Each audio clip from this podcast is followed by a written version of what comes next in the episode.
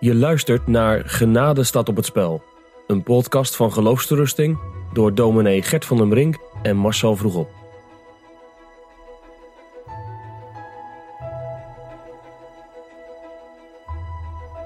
Je zult het eh, boekje waarschijnlijk nog wel beter kennen dan ik. Het boekje van, eh, van Bunyan, De Christenreis.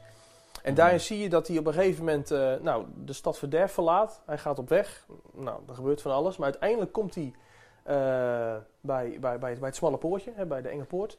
Eh, daar gaat hij doorheen met zijn rugzak vol met zonde. Eh, maar dan is hij zijn zonde nog niet kwijt. Maar dat gebeurt pas op een later moment als hij eh, bij het kruis is.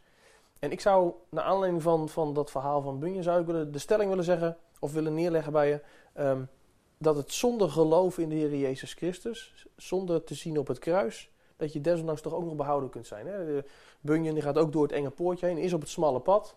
Maar is daar dan nog niet zijn zonde kwijt, heeft nog niet op het kruis gezien, maar loopt dan wel op het smalle pad. Wat, wat, wat zou jij zeggen? Ehm, ja, dat zeiden de Arminianen ook. Hè, dat je zalig kunt worden Uh-oh. zonder geloof. Ehm, dus ik, ik ben huiverig tegenover die gedachte. Ik, ben daar, ik heb daar wel moeite mee. Wa- Waarom dan? Waar zit jouw moeite dan? Nou, ehm, laat ik even, even beginnen met een voorbeeld van, van Bunyan. Ik denk dat Bunyan, hè, hij heeft een vergelijking gemaakt.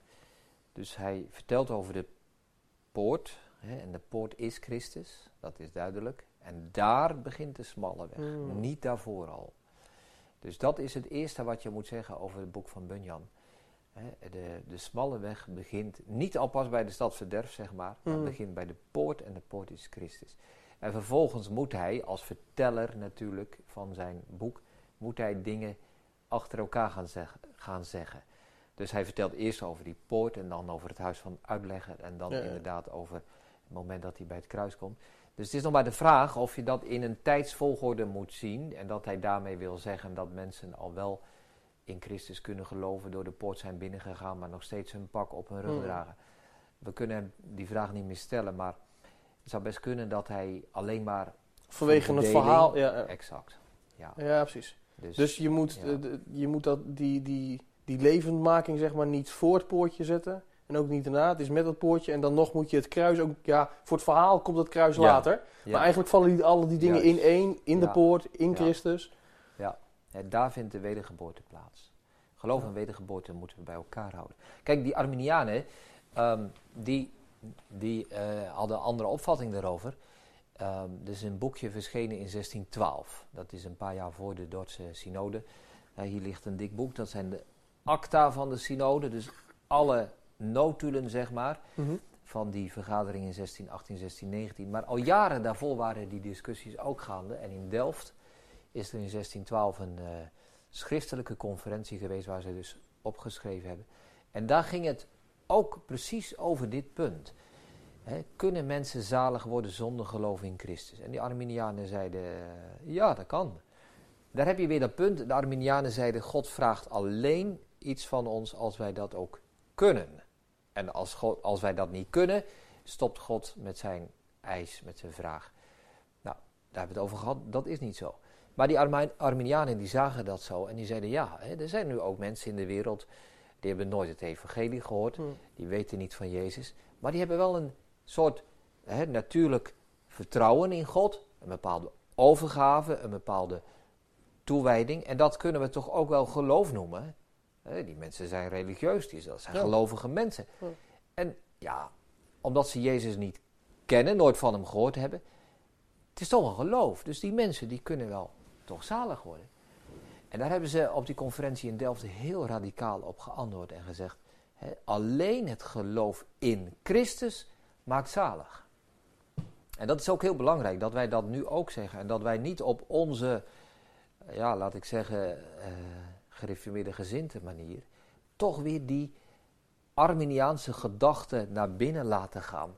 Dat God jou of mij of iemand zou zien en zeggen van ja, hij is toch wel een serieuze jongen. Hè? Hij is toch wel veel bezig en hij leeft toch wel heel afhankelijk. En hij probeert toch wel in alles op God te vertrouwen.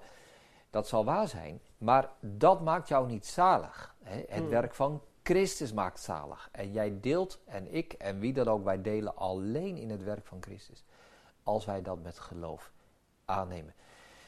Dus er is geen wedergeboorte zonder geloof. En er is geen geloof zonder wedergeboorte. Die dingen moeten we bij elkaar houden. Ja. Zit ik nog wel met één vraag. Uh, namelijk uh, kleine kinderen. Hoe dat daarmee zit.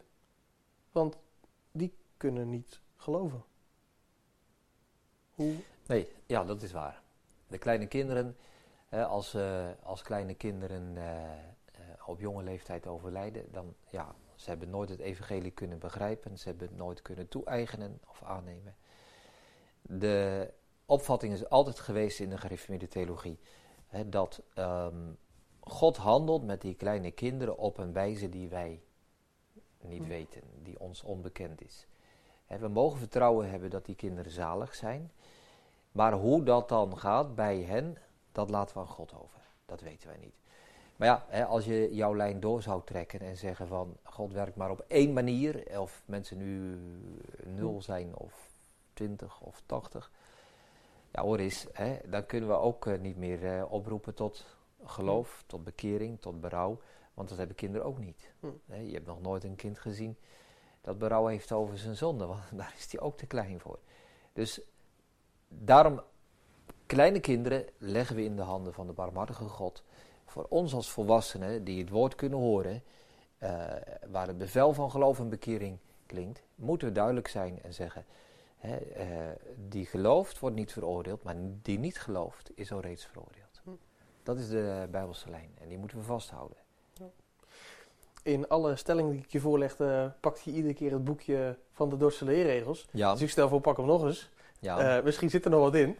Nee, um, je had het namelijk net, als, dan wil ik daarmee afsluiten. Je had het net um, over uh, wedergeboorte en geloof, bekering, dat dat allemaal bij elkaar eh, hoort. En ik zat te denken van, waar, zit, ja, waar zeggen de Dorse leerregels daar iets over?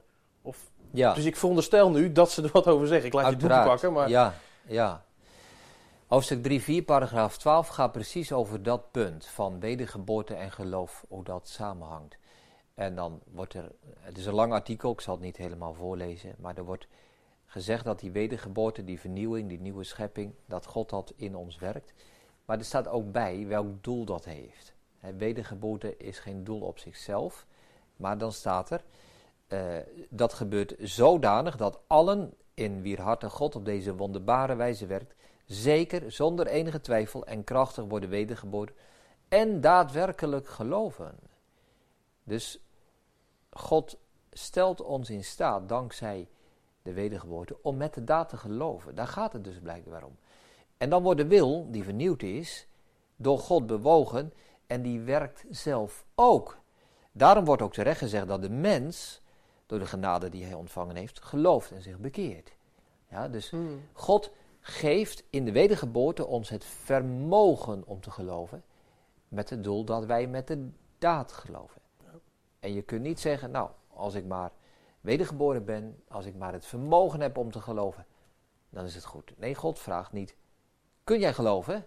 Maar God vraagt, geloof, geloof jij? Ja. Wel mooi trouwens, want eigenlijk, ik, ik, waar stond dit nou, zei je? Hoofdstuk 3, 4, 12. Want volgens mij is dit eigenlijk een soort van samenvatting waar, waar aan de ene kant de, de, de werking van God en met zijn geest in ons als mensen uh, zichtbaar is. En aan de andere kant zie je de verantwoordelijkheid van ons als mensen. Dat we niet ja. onze lauren kunnen zitten. Ja. ja. Toch? Wat we eerder zagen, hè, de mens heeft de opdracht, heeft de hmm. taak, heeft de nodiging om Jezus aan te nemen. We moeten ook meer zeggen dan dat. En dat meer is dat God ons in staat stelt om dat te doen. Maar minder zeggen dan dat gaat niet. Je luisterde naar een podcast van Geloofsterusting. Wil je meer luisteren, lezen of bekijken? Steun dan onze missie en ga naar de website geloofsterusting.nl.